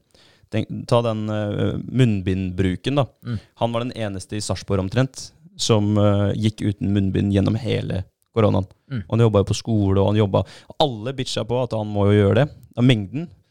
Altså Om de tar feil eller ikke, det skal ikke vi diskutere her på poden nå. Men han stolte på seg sjøl. Mm. Hans måte var rett, istedenfor å gå med, med mengden. Mm. Og det er jo den største friksjonen man kan ha når alle andre sier at du skal gjøre noe, og så gjør du det motsatte. Så han har jo da standhaftighet Mm. og, og tillit til seg sjøl, ikke minst, og har gjort sin egen research og stoler på det. Så vi vil jo, for å bygge vaner, så må vi jo gjøre friksjon minst mulig. Og da kan det være greit å være sammen med mennesker som mener litt likt det man sjøl mener, eller gjør typ det man sjøl gjør. Dine ønsker er normalt i det samfunnet eller det miljøet du er i. Ja, I hvert fall at de er velkomne, da, meningene. eller at Så kan man jo være enig eller uenig, men at man i hvert fall støtter hverandre Mm. oppunder. Man trenger ikke å være helt enig i alle ting, og, men at man i hvert fall Ja, altså fair enough, liksom. Du gjør det, kjør på. Bra for deg. Ja, ja, altså Det er en utopi hvis alle er enige hele tiden. Mm. Eh, det hadde for meg vært veldig falskt, i hvert fall. Da er du, Mm. da er du med i en, eh, en gruppe som kanskje er litt overfladisk, Ja. men ikke kommer på de dype temaene. Mest sannsynlig. Um, gjør det attraktivt. Et, et annet godt eksempel her, da, syns jeg, det, det er jo et type tannkrembransjen. Eh, for, det, for, uh, for langt, langt tilbake i tid så var det jo ikke noe smak på disse tannkremene. De, det smakte jo helvete. Det var bare de skulle rense tennene dine. Men så var det noen som tenkte aha, for å få folk til å kjøpe mer tannkrem og bruke det oftere, hva med å tilsette smak? Og da kom det jo spearmint og ehm, ja, andre typer mintsmaker. Jeg er ikke sikker på hva det heter. Så for de som liker det, da bare jeg vet at du ikke er så glad i den smaken der. Så, men for de som liker det. Og da, da er det lettere for folk å få det inn i vana si. Så de som sånn type Colgate, eh, Sensodyn er kanskje ikke det beste eh, Nei, det alternativet. Det smaker helvete, ja. Men Colgate i hvert fall, da, de har jo gjort jobben sin. Det er friske, friske smaker som gjør at du har lyst Du har lyst til å pusse tenna. Så de Ja, ja. spiller jo på vanene dine, så- eller gjør det lettere for deg. da. De gjør det attraktivt for deg som forbruker og som eh, person til å Mm. faktisk pusse tennene dine. Jeg føler bare at jeg må pusse tennene. For Hvis jeg går uten å pusse tennene, så blir tennene mine så jævlig gule etter all kaffen og snusen som jeg har i kjeften min. Så det er, et, det er, et, eh, det er noe jeg bare er nødt til å gjøre. Ja, Men da har du først gjort det åpenbart for deg sjøl. Mm. De blir brune hvis ikke pusser tennene. tenna. Mm. Så da har du begynt med den vanen. Mm. Men så det, gjør det attraktivt for å ja. Eh, Gjør det attraktivt. Og da har du forsterka vanen, ikke Ja, ja. sant? Ellers kunne jeg bare tenkt da, vet du, har bare dropp den kaffen og snusen, så, så trenger du aldri å pusse tenna igjen. Nei. det hadde gjort ting mye enklere, sikkert. Ja, det Ja. Kan, eh, kan godt hende det. Da, da er det uattraktivt uh, igjen. Da. Du kan jo gjøre det. Altså, hvis du hele tiden bare fokuserer på det som blir negativt. Hvis du gjør det, så er det for å eh, altså fjerne en vane. Det er det Mm. samme som vi har snakka om her. Gjør det attraktivt for å få en vane. Gjør det uattraktivt for å fjerne en vane. Ja. Da er det ikke nødvendig lenger. Da Da er det noe jeg vil for å Mm. ha god pust, kanskje. Eller ånde. Ikke sant? Da går vi over på nummer tre. Gjør det enkelt. Og det handler om, eh, som vi var litt inne på i stad, med minst mulig friksjon. Enkleste motstandsvei. Når du skal gjøre en ting, så gjør det lett for deg sjøl for å kunne fortsette vanen. Nummer én, gjør det åpenbart. Da gjør vi det klart for oss hvilke vaner eh, som vi skal gjøre. Attraktivt. Fortsette å holde på med eh, vanen. Gjør det enkelt. Det samme igjen. Fortsette med vanen. Eh, reps. Automatisering. For hver gang du gjør en ny vane, så fyrer det i hjernen, som vi snakka om i stad. Mindre energilekkasje. Det var jo noe han eh, ville snakke om Mm. når han var her. Det er jo å gjøre det lett for seg sjøl. Han snakka om spillerne sine som fikk et triggerord istedenfor å si Hei, nå må du skjerpe deg, for nå har du kasta bort mange baller. Så hadde han et kortere ord som var ny ball. Mm. Han gjorde det enkelt. Mindre energilekkasje. De slipper å bruke tid på å tenke på alle disse orda som eh, kommer ut av trenerens eller lagkompisen sin, eh, sin munn. Ja, jævlig smart, faktisk. Ja. Det er. Veldig. Ja. Det er en trigger, og det er jo et signal og en cue. Eh, ta handling væ- istedenfor å være i bevegelse. Det er vel egentlig eh, det vi snakker om her. For det er veldig fort gjort å liksom gjøre ting sånn litt her og litt der. Mm. Men gjør det enkelt for deg sjøl. Gjør den tingen du skal gjøre. Bli ferdig med den, så kan du gå videre til neste oppgave. Det er eh, en uh, måte å gjøre det enkelt på. Det er veldig sant. Eh, loven om minste motstands, eh, motstandsvei. F.eks. hvis du skal begynne å lese en bok. Begynn med en side. Og så hvis det frister å lese en til, så leser du en til. Hvis det ikke frister å lese en til, så legger du fra deg boka. Tar du en ny side neste dag. Så gjør det lett for deg sjøl. Eh, reduser friksjon ved gode vaner, og øk på dårlige vaner. Så hvis du har en dårlig vane du ønsker å bli kvitt, gjør det vanskelig for deg å gjøre den tingen. Så hvis det er å snuse, da, Mm. ikke kjøp snus, eller kast snusboksen, eller hva det måtte være. Gjør det litt vanskelig. Ja, Da må jeg kaste den langt. Tror jeg. Ja, det er mange, mange andre måter å gjøre det på. Du kan uh, gjøre det uattraktivt ved å uh, f.eks. inngå en kontrakt med uh, meg eller med Henrik, og hver gang du tar én snus, så skylder du oss fem spenn. Da er det Mm. uattraktivt for deg Ja. sjøl. Jeg tror jeg bare er nødt til å gå inn meg sjøl og bestemme om at eh, den dagen der skal jeg slutte, eller i morgen skal jeg slutte, eller nå slutter jeg. Ferdig snakka. Det er kanskje best det. Nå slutter jeg. Ja. Ja. Intensjon, da. I will at uh, at time and location. Mm. Jeg skal slutte å snuse på det tidspunktet i Halden f.eks., og så kan du inngå en avtale med noen som gjør at det er enda mer attraktivt å slutte. Men det som eh, Akkurat det der med snusslutting For jeg prøvde flere ganger å slutte å snuse. Klarte det ikke. Eh, for på et eller annet tidspunkt så begynte jeg igjen. Eh, det som gjorde at jeg klarte å slutte å snuse, det var, som du er inne på, André, det med å gjøre det såpass uattraktivt for meg sjøl. Men Mm. måten jeg gjorde det på, var bare Jeg innså at jeg var avhengig av en ting, og den styrte oppførselen min. Eh, Sånn at den påvirka humøret mitt hvis jeg ikke hadde til stede. Jeg måtte alltid passe på at jeg hadde snusboksen i lomma når jeg skulle ut av huset. Ja. Og hvis jeg ikke hadde snus, hvis jeg hadde glemt den et eller annet sted, eller noe sånt, så fikk jeg jo Jeg ble jo helt febrilsk. ikke sant? Jeg måtte stoppe innom et sted, og den begynte å styre eh, Hva skal jeg si handlingene mine. Og da merka jeg at vet du hva, det her er faen ikke greit. Den lille boksen der skal ikke ha såpass stor kontroll over livet mitt. Mm. Det var det som Mm. gjorde det så uattraktivt for meg å snuse at jeg klarte å slutte. Mm. Mm. Det var ganske likt eh, egentlig for meg sjøl, fordi jeg slutta på dagen, og det var akkurat det samme Det er egentlig en uattraktiv eh, sånn åpenbaring. Fordi jeg tenkte at jeg skal, nå skal jeg på vei hjem Det jeg snakka om før òg. På vei hjem fra jobb, så skal eh, Eller på vei til jobb, så var jeg tom for snus. Så da måtte jeg eh, hvis jeg skulle ha mer snus, så måtte jeg stoppe, bruke fem minutter på å gå inn og ut av butikken, legge igjen penger på disken til eh, Coop, eh, og så kjøpe meg en pakke med ting som ikke er bra for meg. Det gjorde det veldig uattraktivt akkurat der og da, og så har det måtte, jeg har stikka med det. da. Det har vært sånn resten av tida. Mm. Ja. Så det er samme prinsippet. Ja, dere er utrolig flinke. Det det er det, men det er greit nok. Men eh, jeg har faktisk eh, eh, hatt eh, dårlig innflytelse på kollegaen min og fått han til å begynne å snuse. Nei. Uten at jeg sjøl har tenkt på det. da og, Så den har truffet meg da og fått meg til å tenke at ok, han der må jeg bare få med på å faktisk slutte igjen. For han hadde jo slutta over et år. Ah, shit. Ja, og vi jobber sammen eh, skift, og så hver gang jeg har tatt meg en snus, da, så har han liksom titta litt på den boksen. sånn, ikke? Mm. Jeg har lagt merke til det, da, men eh, det var liksom helt i startfasen. da. Og så tenkte jeg tenkte ikke, tenkte ikke stort over det, men uh, så spurte han meg en dag om han kunne få. Mm. Og etter det, da, hver gang jeg tok opp snusboksen og tok meg en, da, så spurte jeg vil du ha. Ikke sant? Og da tok jo selvfølgelig han, da. Ja, ikke Ja, og når han først da, det er, det var over en lang periode, altså. Flere måneder etterpå Mm. kom han plutselig med egen snusboks, og det la jeg merke til. Ah. Og da ble jeg sånn her Oi, dang, du har begynt å snuse fordi jeg har gitt deg snus hele tiden. Ja, Så da fikk jeg skikkelig dårlig samvittighet. Og, dere- og da sa jeg til han med en gang at eh, du og jeg, vi skal slutte sammen. Du, da er vi sammen om det. For jeg kan ikke slutte på jobb, og så har du begynt å snuse. Det går ikke. Nei, du må jo ta med han på, på en sånn eh, altså vanebrytende reise. Bruke mange av de Mhm. triksa i, i denne episoden her, og så se om dere kan eh, slutte sammen. Ja, jeg gjorde ikke Jeg dro han faktisk ned, og det er ikke greit.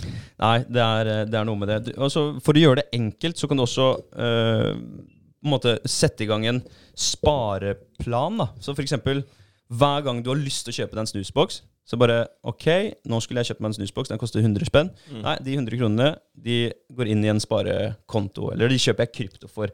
Det er attraktivt, Ja, ja. samtidig som det er uattraktivt å bruke penger på snus for deg. Det er genialt. Så da har du en økonomisk eh, gevinst der også. Og den siste som jeg skal gå gjennom på Gjør det enkelt, det er tominuttersregelen. Hvis du skal begynne med en ny vane, hvis du er i starten på en ny vane, så eh, bør det ta mindre enn to minutter å gjøre. Det er som f.eks. han maratonløperen som, som eh, hadde lyst til å løpe et maraton. Han skulle bli en løper. Og istedenfor å Har du ikke løpt så mye før, da, så istedenfor å ta på deg sko og tenke at du skal løpe fem kilometer, så er tominuttersregelen at du skal eh, første du skal gjøre, er å knytte skoa. Og så ser du hvor, hvor det fører igjen. Det skal ta maks to minutter Mm. å gjøre den nye vanen din. Og så baller det seg på derifra. Det er noe som heter standardiser før optimaliser. Og det handler om at du kan ikke gjøre en ting bedre før du har gjort, gjort den tingen. Mm. Du kan ikke gjøre en ting bedre før det har blitt en del av deg. Mm. Så standardiser før du optimaliserer. Du kan ikke forbedre noe som ikke eksisterer, er jo øh, ganske obvious for, øh, for oss. Så, Det er så det må vi tenke på. Helt klart. Men bare det å gjøre, som du sier, bare knyte på deg skoa, bare se, eh, bare gå ut av døra, bare ta deg en lita tur, liksom, så, så kommer det til å gi mersmak. Det, vanskeligste er den der dørstokkmila. Det vanskeligste er å komme seg over den. Ja, jeg liker å se på det som øh, Vi har snakket om det før òg. Vegger. Det er den første veggen jeg møtte på i dag. Det var å stå opp. Og så kom jeg gjennom den veggen. Så var andre veggen det var å begynne å løpe. Kom jeg gjennom den veggen, og da vet jeg at faen, de veggene her de kan jeg bare nokke ned når jeg vil. Mm. Og da gikk turen mye lettere. ikke sant? Du, Mm. du møter hindre, og så kommer du over de hindrene, og de gir deg eh, motivasjon da, for å gå videre. Eh, siste lov, da er vi på gjør det tilfredsstillende. Gjør det lettere å repetere, så gi deg sjøl en belønning når du har gjort noe. Og da snakker jeg ikke om at har du trent, da, hvis målet ditt er å gå ned i vekt eller bli sterkere, så ikke belønn deg sjøl med en is. Fordi da jobber du jo Hvis du ser på vaner da, så har du en positiv vane som du stacker med en negativ vane, hvis målet ditt er å gå ned i vekt. Men f.eks. en massasje. eh, hvis eh, de, altså de du henger med, eller samboeren din kan gi deg en massasje, eller book deg en massasje hos uh, thaisjappa nede i byen her, f.eks. Mm. Det kan eh, være en god belønning, for da er det i tråd med helseprosjektet ditt. Men det er så utrolig sant det der òg, for det også er jo helt sinnssykt eh, bak, eh, baklengs, egentlig. At man skal bli jævlig flink med kostholdet sitt, og så skal man cheate Ja, cheat med kostholdet. Mm. Det, for det har jo blitt en sånn vanlig greie. Ja, må ha en cheat day. Det er jo helt sinnssykt, egentlig. Det er som Ta over til det her slutt å røyke-eksempelet, for eksempel. Da. Så er det sånn Ja, nei, nå har jeg vært så flink og ikke røyka på en måned, så nå skal jeg faen meg ta meg en sigg, ass. Ja. Cheat day. Det er sånn Nei, nei, nei. nei. Det, hvorfor gjør vi det med mat, liksom? Jeg syns det, det er litt vanskelig, fordi den hører man alltid, og spesielt på treningssenteret. Noen, for no, og folk er jo opptatt av å snakke om sin progresjon. Mm. Snakke om uka si. 'Jeg har vært flink og trent tre dager', og så, men, men i helga så skal jeg, da skal jeg, jeg skal, må kose meg. Jeg må kose meg i helgene. Det er bare Ja. fordi du vil ha en aksept, da. Ja. Vil ha En bekreftelse for at 'ja, men det har du fortjent', Ja. og sånn en klapp Mm. på skuldra. Ja, og det, det jeg ofte kommer med da, ja, men greit, kos deg du, men hvor langt videre kommer du mot målet ditt da? Hvis målet ditt er å gå ned i fettprosent, eksempel. Mange har jo det som et mål. Man vil bli litt grann, eh, For jenter så er det jo tona. Man vil ha en toned body. Så ja, hvis det er en del av planen din, så får du gjerne lov til å kose deg. Men da er du tilbake på det her med identitet igjen. Fordi hvis du hadde identifisert deg som en person som spiste sunt og trente bra, så ville du aldri hatt den cheat dayen. Men er du Mm. Identifiserer du deg som en person som i utgangspunktet spiser dritt, men når du i en periode hvor du er flink og spiser bra, da vil du naturligvis ha de cheat daysa. Og så tror jeg man har habit-stacka litt eh, ubevisst der også. Man har habit-stacka kosing med mat og med Ja. TV. Det er liksom de tre tinga. Ja, Der har er du det triple stack. Det er, det er, du, må, du må spise noe usunt for å kose deg. Ja, ja for det, det har jeg hørt hundre Altså, jeg har hørt det hundre ganger, fordi jeg har vært bevisst på kostholdet mitt utrolig lenge, og på jobb og sånn. Og du får jo høre det hele tiden. Og så er det ja, vil du ha en is, eller? Så sier jeg ofte nei. Vil du ha en kake? Jeg er ikke så glad i kake, ellers er det veldig lett for meg å si nei. Ja. Ja, man må, må kose seg litt innimellom òg, vet du.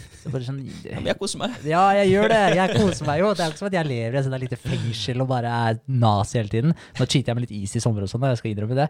Det er jævlig godt. Det er ikke sånn at Ja, men det er lov på sommeren. ja.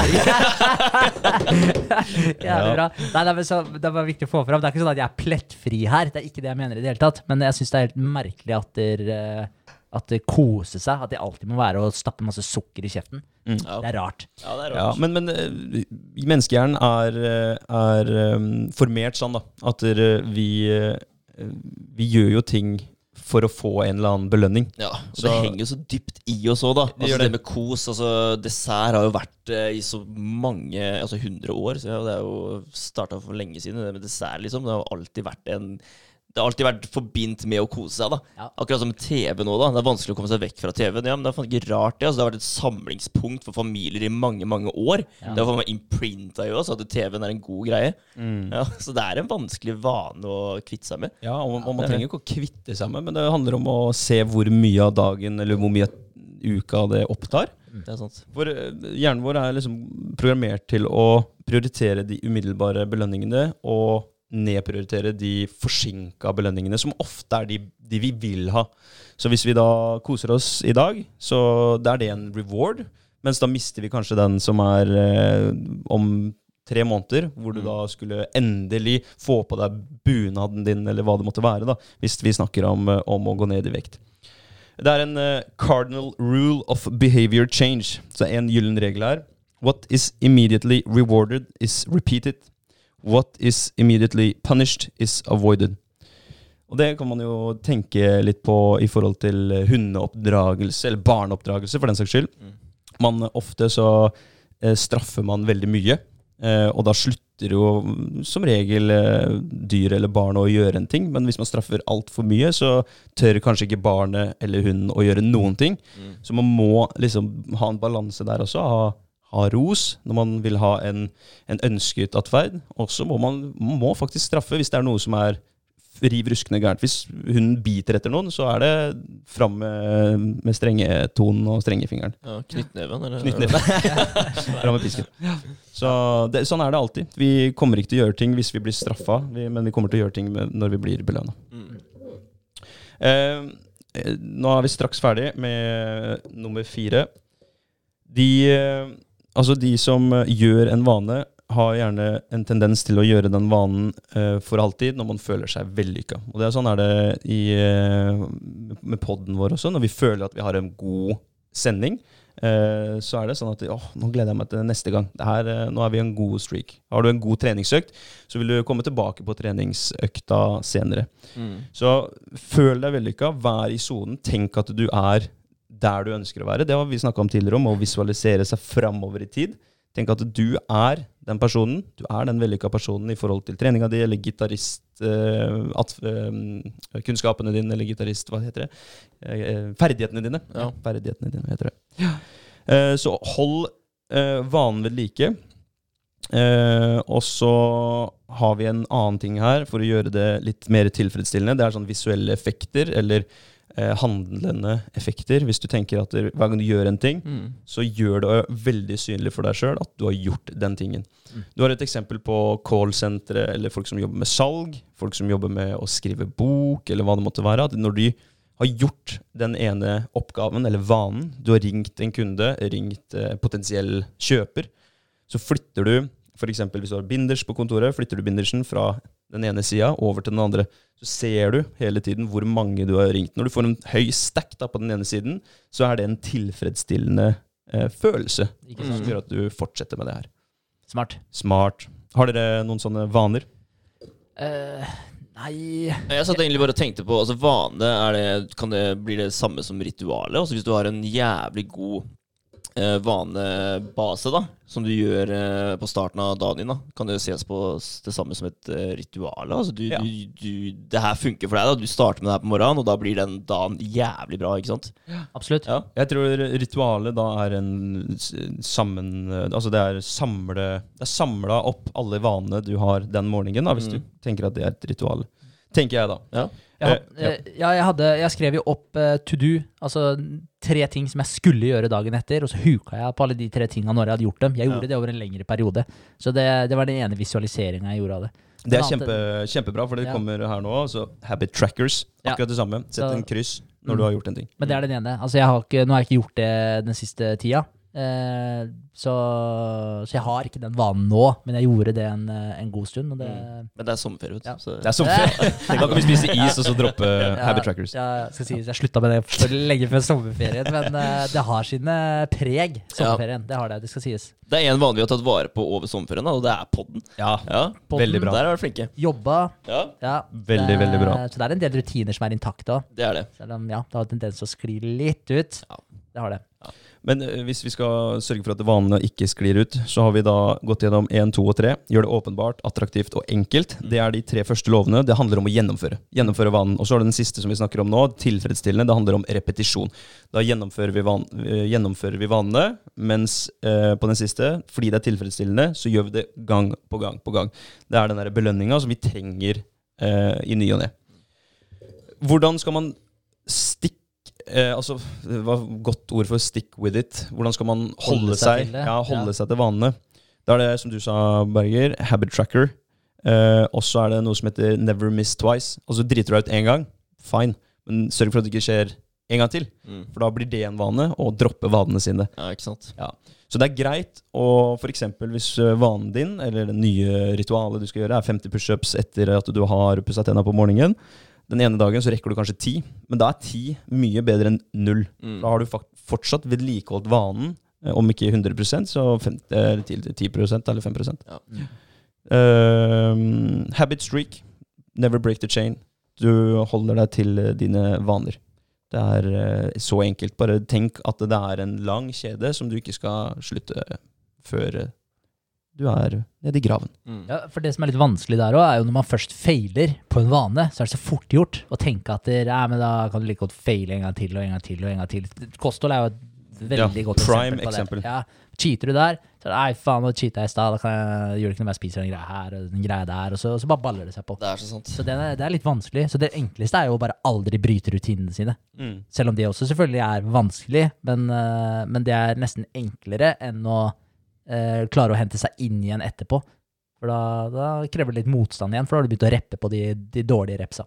Mm. Så får du den friksjonen igjen da, på når du skal starte å ta deg i det igjen. Eksempel hvis du er flink å trene før sommerferien, og så tar du deg helt treningsfri i sommerferien. Det blir kjempetungt å komme i gang igjen etter sommerferien. Mm.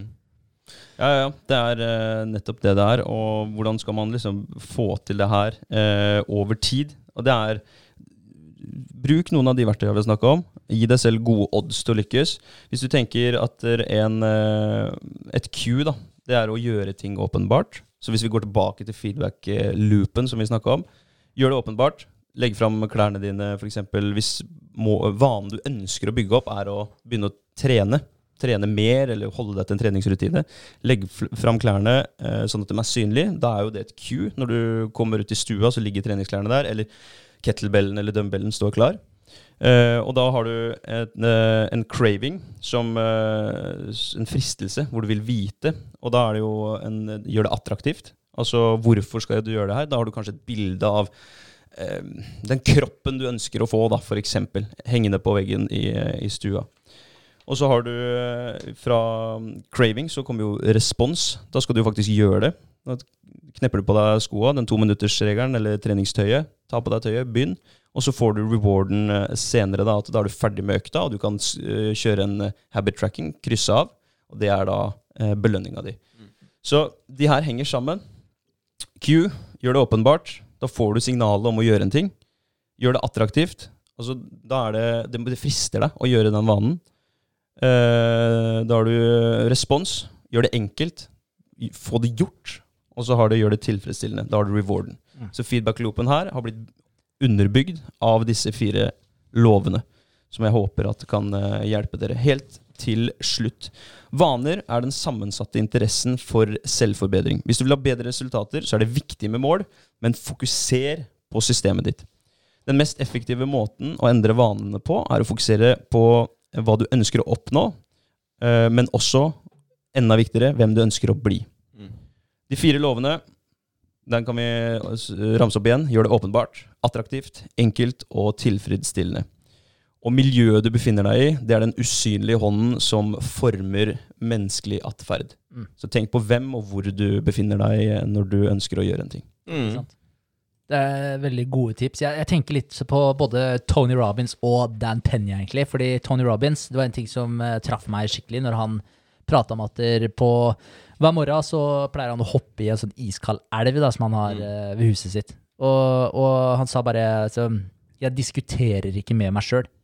Og den traff meg litt, for han diskuterer faktisk ikke med seg sjøl. Så han har gått gjennom det her så mange ganger at når han sier at han skal gjøre en ting, så følger kroppen etter. Ja. Det, er ikke, det er ikke tema engang. da. Så hvis han sier at han skal ta seg en kald dusj, så tar han seg en kald dusj. Det er ikke tema engang å ikke gjøre det. Så, så, så han har jo bare knust den der eh, wimpy stemmen da, som sier nei, du trenger ikke gjøre det i dag, i dag har du fortjent ditten og datten og sånn. Den bare eksisterer nesten ikke. Med en gang den kommer opp, så blir den bare drept.